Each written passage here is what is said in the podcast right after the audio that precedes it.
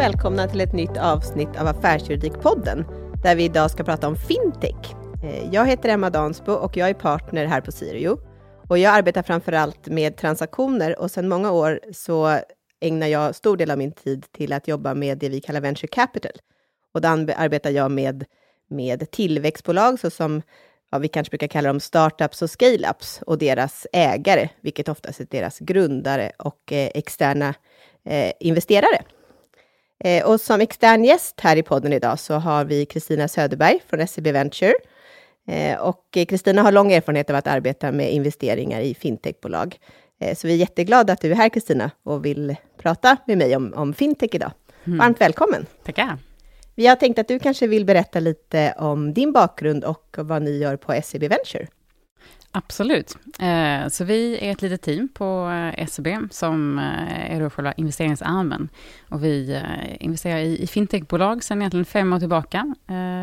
Tittar på ganska tidiga faser av bolag, så allt från vad vi kallar för late seed, early A, kanske kommer in på det mer sen, vad det kan innebära.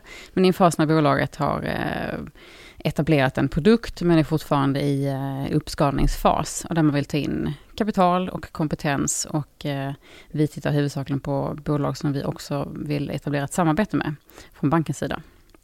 Så det är liksom en kombination av att vi från eh, Venture Capital går in och investerar och sätter oss i styrelsen för de här bolagen och hjälper dem den vägen och att våra kollegor i, i banken inom det rådande affärsområdet skapar ett samarbete och ofta då ett väldigt nära sådant. Så en kombination av, av dem, både den finansiella investeringen och en strategiskt viktig ja, investering för, för banken också. Och banken har haft den här investeringsenheten sedan 1995, så vi är ganska tidiga ute med att, att eh, stötta nya företag i Sverige och Norden huvudsakligen med eh, ägarkapital.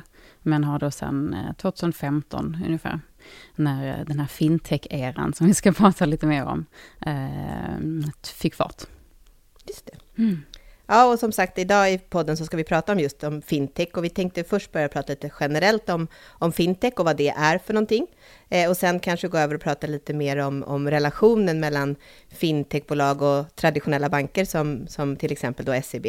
Eh, och sen avsluta med att titta lite på hur den här pandemiåret har, har påverkat fintechmarknaden och även lite, förhoppningsvis lite trendspaning eh, framåt. Just det. Mm. Eh, och eh, när det gäller vad är då fintech så finns en definition där World Economic Forum har definierat, definierat fintech så här. Att fintech är nya aktörer som har som löfte att snabbt omforma hur finansiella produkter struktureras, levereras och konsumeras. Eh, och, men vad är fintech för dig, Kristina? Hur ser du på fintech och hur skulle du definiera fintechbolag eh, från ditt perspektiv? Uh, ja, men det finns väl säkert många definitioner. Uh, den som uh, du precis beskrev tycker jag stämmer väldigt väl in på. Det handlar om att det är ofta unga, nya bolag, innovativa, som vill erbjuda nya finansiella lösningar till, till marknaden med hjälp av då ny teknologi. Och vi tittar ju på bolag som, när vi säger vad är fintech för oss, vad tycker vi är intressant? Då kan det vara bolag som både vill då disruptera och eh, skapa nya lösningar för en privat konsument. Det kan vara ett SME, mellanstort bolag eller ett stort bolag eller finansiella institutioner. Eller så kan det vara mer en automatiserings lösning som underlättar för oss banker att, att liksom ta nästa kliv, att eh, leverera eh, bättre och eh, snabbare lösningar till våra kunder och bli mer effektiva helt enkelt. Eh, det är ju, man kan väl ändå säga att det är en mer konkurrensutsatt värld idag än det var för fem sex år sedan. Mm. Ja, det har hänt mycket på den här, inom, den, inom det här segmentet de eh, senaste fem åren känns det som.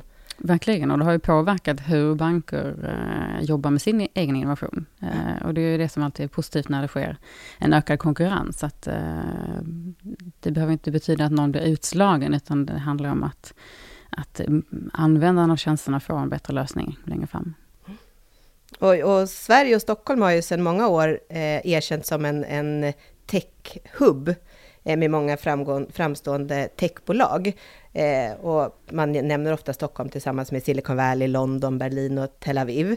Eh, mm. och även när det gäller fintechbolag så har ju Stockholm, framförallt Stockholm kanske, men även Sverige generellt sett, eh, setts, fått ett internationellt erkännande som en, som en viktig hubb. Eh, och jag läste någonstans att antalet fintechbolag i, i Sverige har, eller i Stockholmsregionen har ökat från 200 eh, bolag eh, 2017 till lite över 400 bolag nu då 2020. Så en ökning på de här åren med, med 100 procent. Så att det har ju verkligen, vi har ju varit ett, ett framgångsrikt plats för att eh, starta och eh, driva fintechbolag. Absolut. Eh, och vad tänker du om Sverige och Stockholm som en fintech-hubb?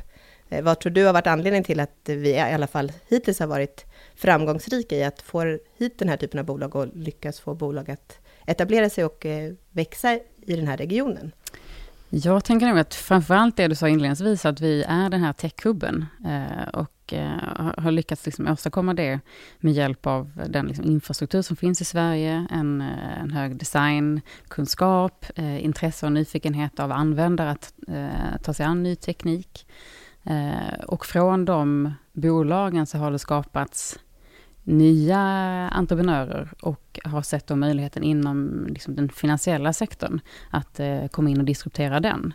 Eh, så jag tror om man skulle definiera vad är en fintech-hubb och vad är det som gör den till en uttalad hubb, så tror jag att Sverige kanske egentligen saknar vissa av de karaktäristikerna. Eh, utan det är nog mycket tack vare att vi har haft framgång i eh, liksom tech generellt. Och det är även så jag ser på, eh, på Stockholm och Sverige, att vi huvudsakligen en en eh, innovationshubb eh, och eh, skapar bra grogrund för nya entreprenörer. Och sen så är liksom fintech ett spår inom det. Man har kommit lite på köpet nästan kan man säga. Ja, kanske. men lite mer ja. så. Får man se på andra, om vi tar London som, som hubb till exempel, som mycket mer uttalat har, har satsat från eh, deras motsvarighet till Finansinspektionen, att, att underlätta med sandboxes, där bolag i en tidig fas får lov att och testa sig fram, även om de inte är då under eh, reglering. Just för att eh, underlätta för innovation. Där har inte Sverige, om man nu säger att det är definitionen på att vara en fintechhubb, att, liksom att underlätta, då har inte Sverige ja, bidragit på det sättet. Men man har lyckats eh, få fram de här eh, otroligt framgångsrika bolagen eh, trots detta. Eh, och det är väl snarare tack vare att, eh, att det finns en, en eh, god infrastruktur för att vara entreprenör och eh, starta techbolag i Sverige. Just det. Ja, och det har väl varit en ganska stor diskussion inom branschen just med de här sandboxes. Möjligheten till att, eh, att de ska finnas och att det skulle kunna underlätta eh, ja, bolagen, ja, men underlätta för bolagen att utvecklas ännu snabbare och eh, ännu bättre. Ja, om den ju, möjligheten fanns. Det är ju komplext av en anledning. Att det finns ju regelverk för att skydda eh, men användare, eh, kunddata. Eh, vem som helst ska inte kunna starta ett eh, finansiellt bolag. Eh, men eh, om det ändå finns en ambition och man kanske sitter på techkunskapen men inte på den eh, kunskap som kanske krävs för att förstå vad innebär det att vara en, en bank eller en långivare. Eh, då skulle ju för, för samhällets bästa vara väldigt underlättande och gott om det fanns kanske en större välvilja från, från de institutionerna, myndigheter. Mm. Ja, och det tror jag är ett viktigt, eller ja, någonting som fintechbranschen som stort lobbar mycket för också. Verkligen. Den typen av frågor. Verkligen. Mm. Eh, men, och hur har du sett om du tittar, om vi tittar bakåt, hur har utvecklingen gått? Sen 2015 så startade SEB eh, den här satsningen på att investera i, i just fintechbolag, just om jag förstår det rätt. Eh, hur, har, hur tycker du att, från ditt perspektiv, att, att eh, marknaden har utvecklats under de här åren? Kan man se att det har skiftat någonting i, i trender eller ja, men hur, och, och har marknaden mognat på något sätt och, under de här åren? Kan, man, kan du se några sådana spaningar?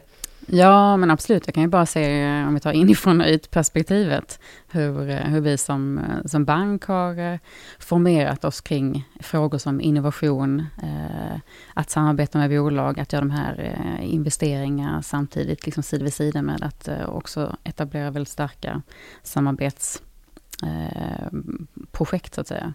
Eh, så det, där har jag säkert liknande resor pågått i, i andra bolag, eller i andra banker. Eh, och man har identifierat men, enheter som ska ansvara för att ta emot och diskutera och möta eh, fintechs. Um, så det, där har det hänt väldigt mycket. Ekosystemet har absolut förstärkts i Sverige, även om eh, vi kanske då inte från myndighetsperspektivet eh, har bidragit så mycket till den här fintech-hubben, så har det ju ändå framkommit liksom, uh, olika organ som Findec och Fintech Association. vi har diverse acceleratorprogram inom fintech som har etablerats. så där, där har det hänt mycket. Och mm. sen, eh, som du säger själv, så har det ju antalet bolag ökat radikalt. Men det man har sett, eh, toppen var ju någonstans 2014-2015. Eh, nyregistreringar av, av bolag låg kanske på 60 drygt om året. Sen så har det faktiskt dalat mm. ända mm. sedan dess. det är klart att när man summerar dem så blir det ju fler. Blir det fler men men ja. hastigheten har ändå minskat. Ja, intressant. Ja. Så det är ändå en, en, en spaning. Mm. Ja, men det är kanske är ett bra steg att gå över och prata lite med eh, kring hur, ja men mer generellt om, om relationer mellan fintech och eh, traditionella banker. Vi har redan varit inne lite eh, på det. Mm. Eh, och um, det har varit en del skriverier nu under senaste tiden i, i media kring Klarnas förväntade, eh, eller ja, troliga kanske, i alla fall många som pratar om en, en framtida börsnotering av Klarna. Mm. Och att kanske värdet eh, på Klarna skulle vid en sån notering överstiga det värdet som traditionella banker har eh, idag.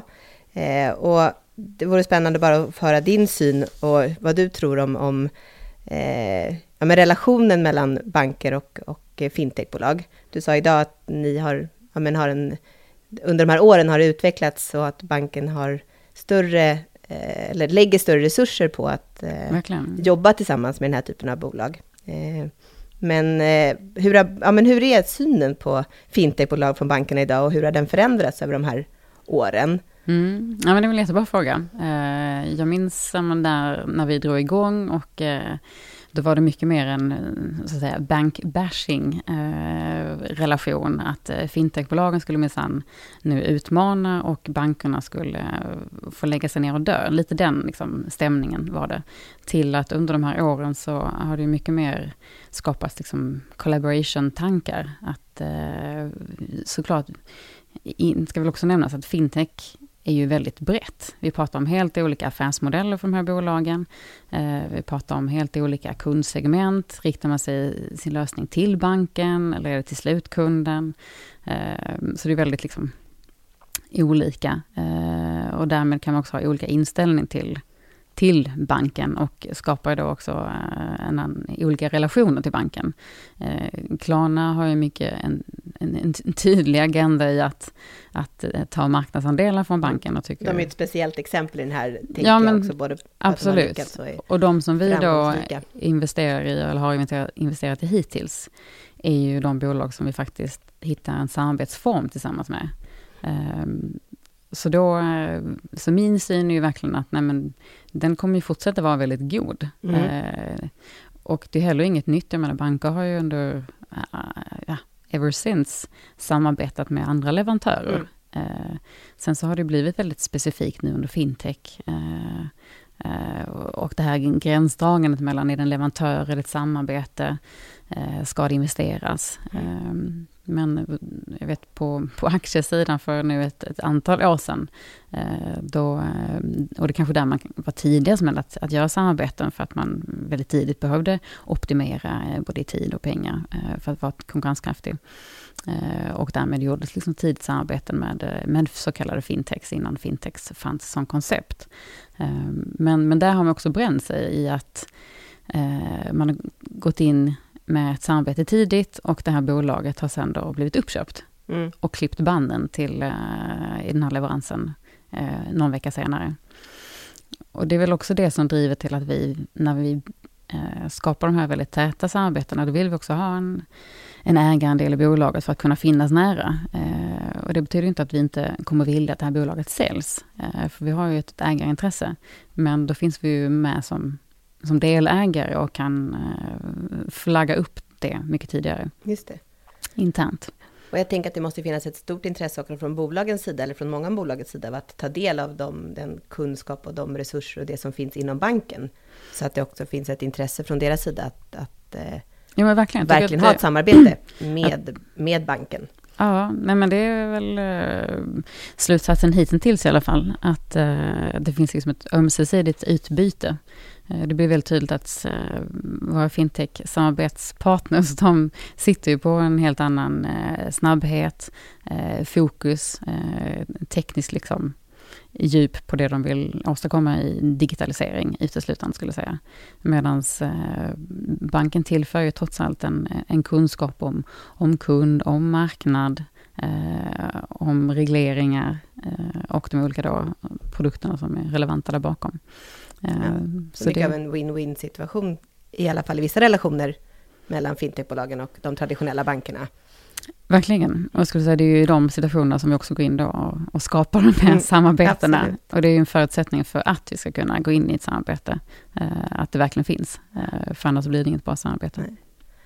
Och, och, när man tänker på, vad, om den, på bankernas eh, utveckling och hur bankerna utvecklas, så utgår jag från att det är så att man ändå har känt en viss eh, press från fintechbolagen och att det har på, drivit på eh, den tekniska utvecklingen även internt inom bankerna.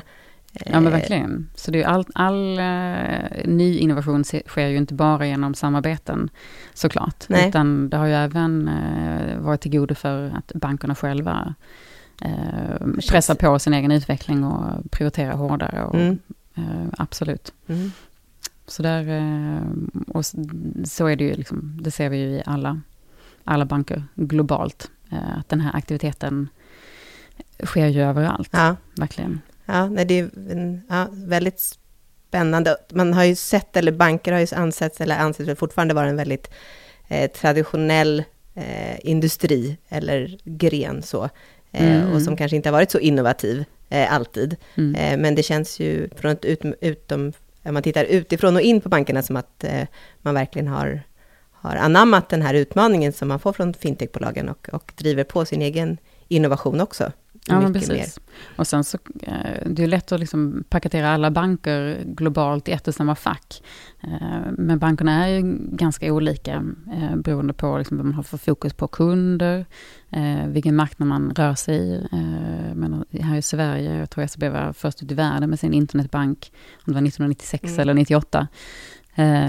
Så vi har ju innoverat för länge sedan och redan då så, eh, jag tror man till och med startade en neobank, eh, men som inte flög. Nej. Eh, apropå det här med, med timing som är så viktigt i jag tänker där har väl de svenska bankerna varit också innovativa i sig själva, till exempel genom att skapa Swish.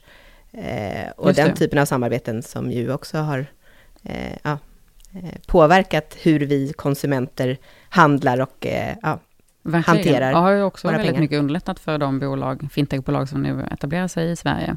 Att det finns den här infrastrukturen med BankID, med Swish, eh, som de kan lägga eh, på sina lösningar. Mm. Ja, och det är väldigt unikt mm. eh, att man liksom bankbranschen i, i, Sverige har kunnat liksom enas kring de här infrastrukturella projekten. Mm. Och som också fintechbolagen har kunnat dra fördel av i, i, i, sina lösningar. Ja. Och jag tänkte med din bakgrund eh, från SEB och från att vara på bank, vad tycker du eh, är roligast, mest utmanande med att investera i, i fintechbolag och att jobba tillsammans med fintechbolag? Du sitter ju i styrelsen i en del av era bolag. Ja, eh, vad jag tycker är roligast och mest utmanande. Eh, ja, men det roligaste är ju framförallt att eh, branschen befinner sig i en, eh, i en förändringsresa. Mm. Eh, det är ju otroligt spännande. Det händer ju inte det som händer nu är ändå på en annan liksom, magnitud än de förändringar som har skett tidigare.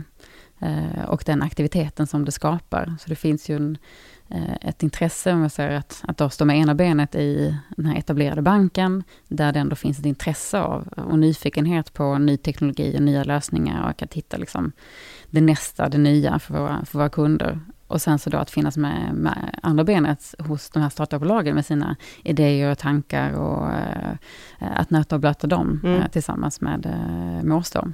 Så det är väl att få vara med och påverka under den här resan är ju absolut det, det roligaste. Eh, och kan väl nämna att tre av de innehaven som vi har, eh, och som jag då delvis har investerat i, eh, eller varit med att investera i, eh, omnämndes i eh, i bankens Q-rapport här i vd-ordet för eh, nu senast. Mm. Vilket också visar på vilken, vilket fokus som det finns på att hitta det här liksom det nya för banken. Eh, att hitta de här samarbetena för att ta oss dit. Eh, det som är utmanande, skulle jag säga, är väl den bredden som eh, fintech ändå bjuder på. Eh, vi är ju en universalbank och vill ju hitta liksom, innovation och eh, spännande samarbeten och investeringar i eh, alla typer som träffar då bankens verksamhet.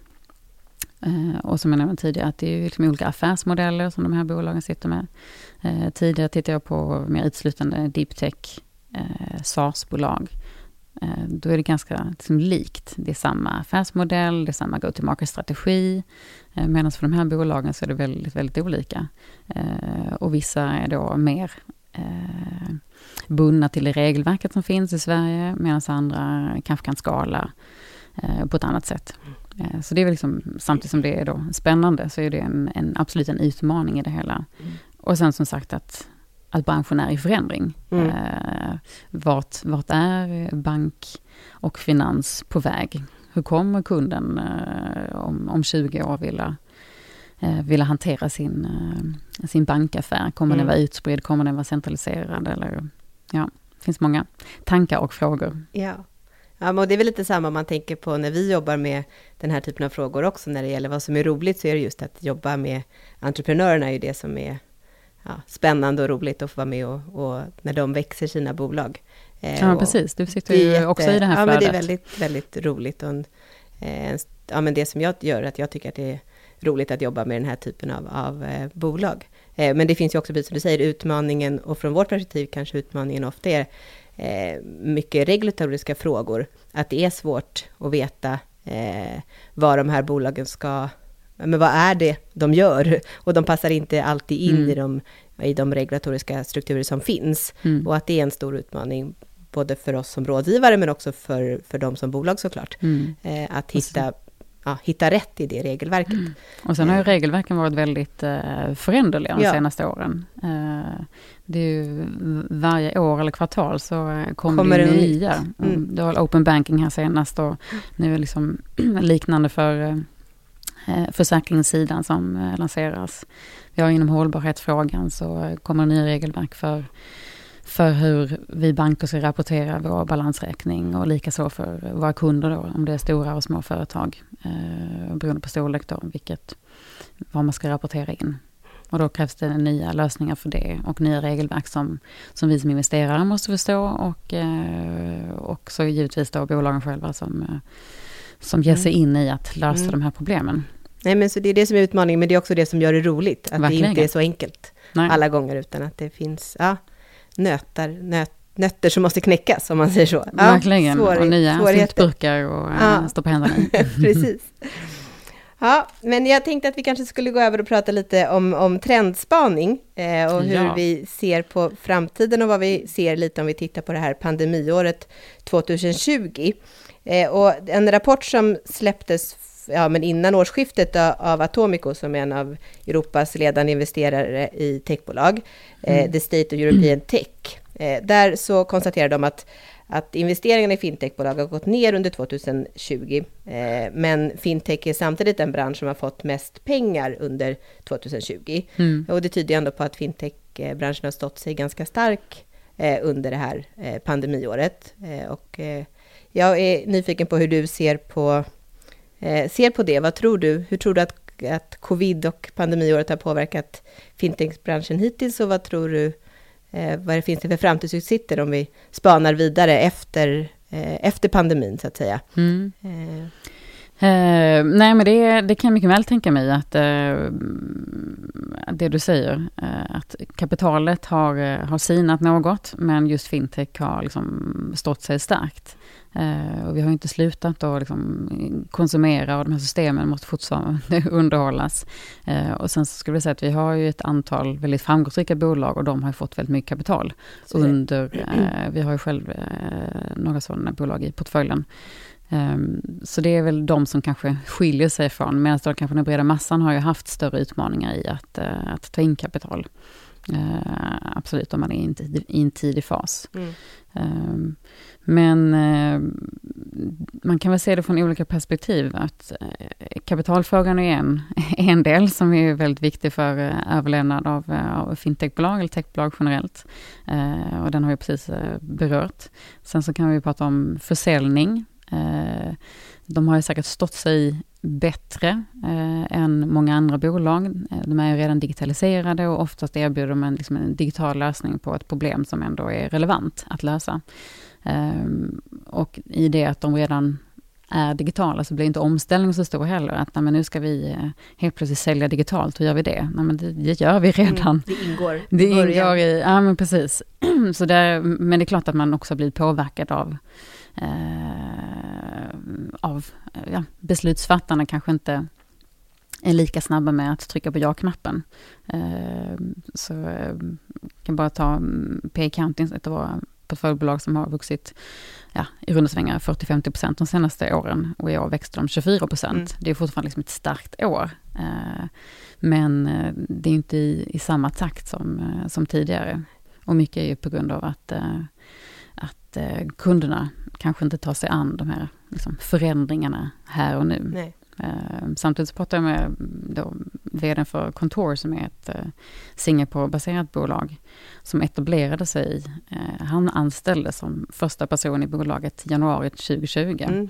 Uh, och är nu då 25 personer som har under den här pandemin lyckats anställa en ansenlig organisation och allt remote, så de sitter liksom utspridda.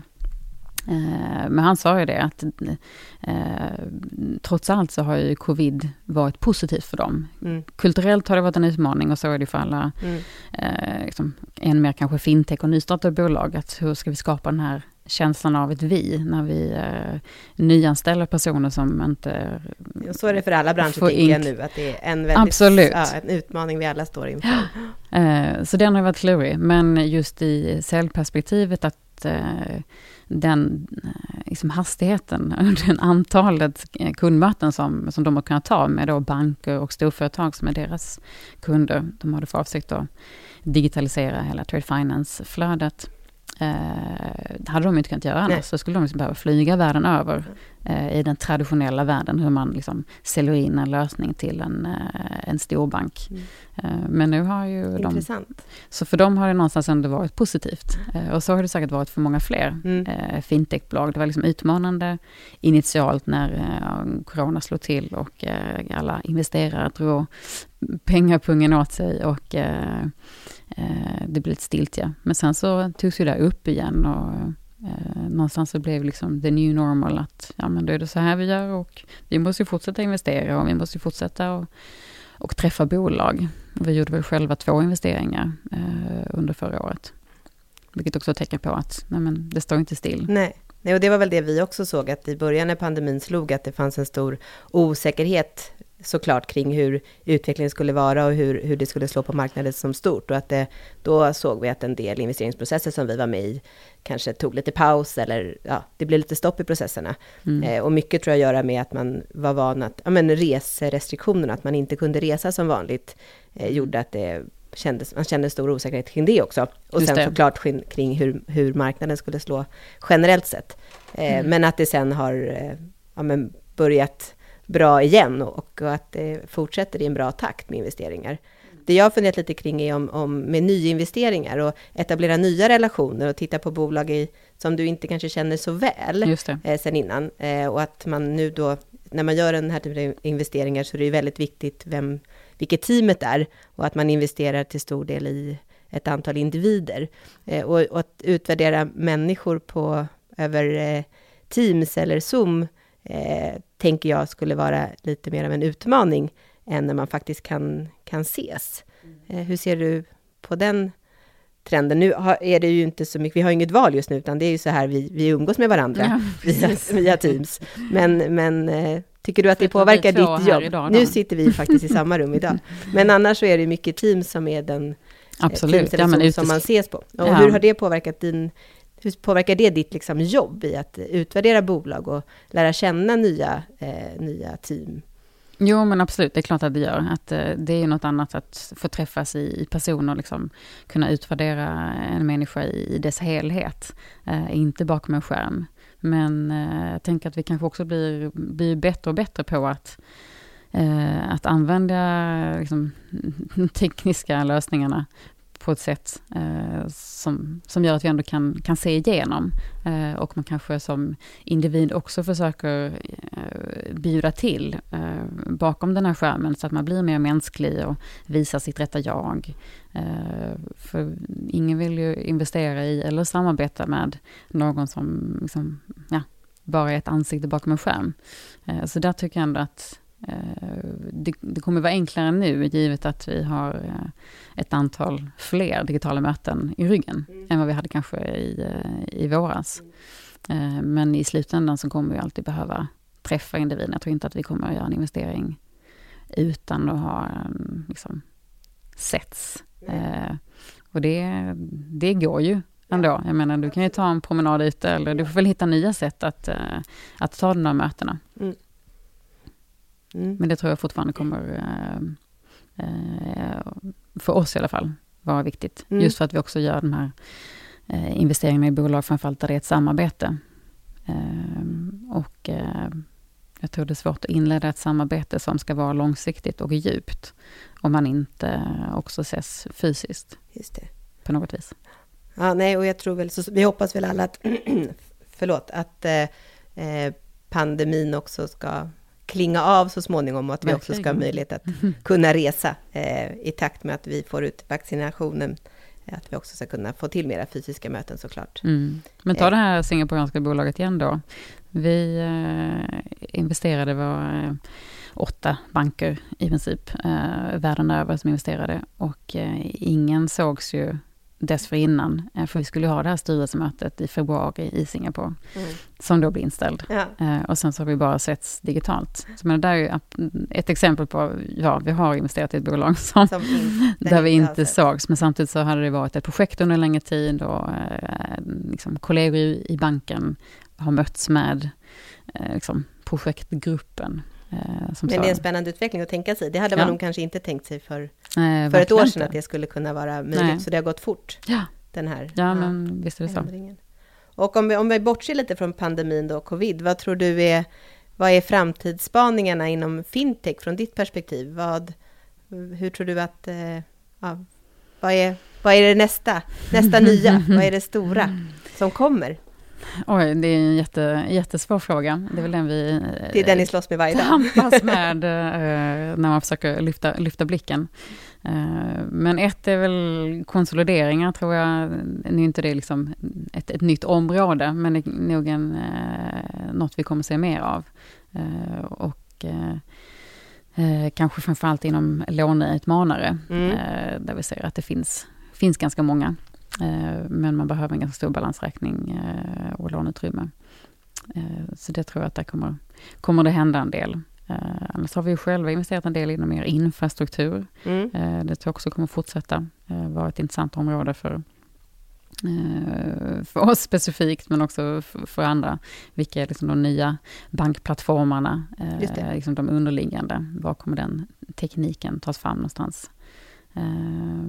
Vi ser ju inom hållbarhet eh, ett eh, jättestarkt fokus för, för SEB och för många andra i branschen. Eh, av, av, många anledningar. Ett är att det skapas fler regelverk kring det här. Det har funnits under längre tid dessutom. Men också för att finans... Vi sitter på så mycket indirekt ägande genom våra kunders kapital ute i, i diverse fonder och bolag. Eh, så vi har ju ett, ett jättestort ansvar där att, att påverka och kunna underlätta för våra kunder att, att fatta rätt beslut. Så där ser jag att det kommer finnas en stark vilja från, från vår sida och eh, ett stort behov av att, eh, att titta mer på. Det tycker jag är spännande just med hållbarhet, för att man har pratat mycket tidigare när det gäller tech-investeringar eller investeringar som sådant som hållbara bolag eller sustainability-bolag som ett eget segment. Men att man numera inte ser det som ett segment utan att det är, är någonting som är viktigt för alla bolag oavsett vilken, vilken bransch man är i. Så, så även för Ja. ja, och där har jag väl lite Greta Thunberg-effekten av att, att alla bär ett ansvar. Att mm. känslan eh, eh, hos gemene man har blivit mycket mer att nej, det där kan vi inte lämna till någon annan, utan eh, även vi som ett bolag i eh, en helt annan bransch än det man kanske tänker sig hållbarhetsnära, mm. Eh, måste dra sitt strå till stacken. Mm. Och då finns det ju finns det ju utrymme för, för bolag att, att hjälpa de här bolagen. Att, hur kan, hur kan hur jag kan göra vi det? Ja, hur kan vi uppfylla vår målsättning att, ja, att bidra till hållbarheten så stort? Ja, det tycker jag är en, en spännande ett, ja, ett, en, en spännande trend som man ser generellt sett eh, i många verkligen. olika branscher. Spännande och eh, superintressant och eh, jätteviktig. Ja, verkligen. Och en, som en sista fråga kanske bara, vad, vad, hur ser du på svenska bolag, svenska fintechbolags eh, möjlighet från ett internationellt perspektiv? Hur kommer vi fortsätta stå så? Och kanske också lite om du har någon insikt om vad skulle behövas för att svenska bolag ska stå sig ännu bättre Eh, i, eh, i det, från ett globalt eh, perspektiv. Eh, mm. Ja, nej men först så tror jag att vi kommer fortsatt stå oss väldigt väl i, i konkurrens till andra.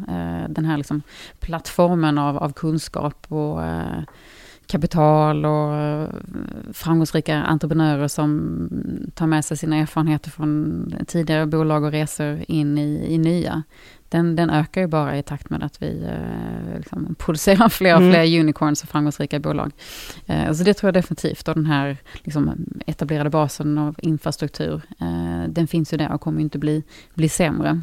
Eh, så det tror jag, eh, ja, där, där, kommer vi stå oss väl. Men eh, utmaningen är väl tillbaka till det här att, att från myndighetssidan att man inte supportera på det sätt som man skulle kunna göra. Att vara mer tydlig i att vi vill etablera den här fintech-hubben, som jag inte tycker vi liksom är eh, utifrån vad Vi är inte där riktigt ännu. Vi är inte riktigt där än, utifrån vad, vi har inte tickat alla boxarna. Utan det har vi mer fått på köpet för att vi råkar vara en, eh, en tech-hub mm. rent generellt. Men för att bli en fintech-hub så måste vi liksom kämpa lite mer.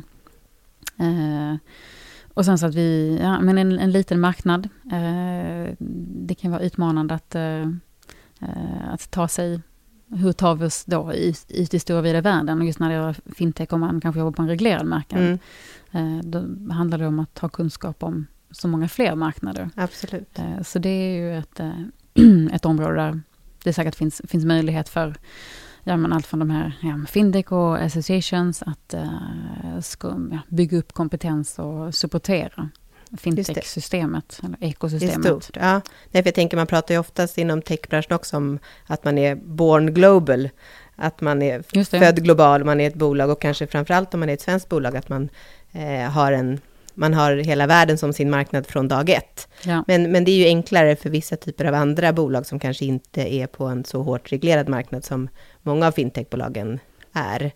Precis. Så det är en, ja, en, en, en utmaning som finns specifikt just mm. för, för fintech. Och sen väldigt beroende av vilken målgrupp man riktar sig till. Är det liksom ja. privatpersonerna, är det företagen eller är det bankerna själva? Eh, och då finns det också en väldigt olika säljprocesser eh, att följa. Ja, men spännande. Eh, jag tror att vi har berört de flesta av punkterna som vi tänkte att vi skulle prata om här eh, idag i podden. Ja. Är det något annat som du känner att du skulle vilja dela med dig av, eller ska vi vara nöjda så? Jag tycker vi har tänkt in ganska mycket. Ja. Eh, det har varit väldigt roligt och spännande. Ja. Det har varit jättekul att du ville komma. Tack så mycket Tack för att jag fick för komma. att du ville vara med och mm. dela med dig av dina erfarenheter. Och jag vill också tacka till dig som har lyssnat på, på podden.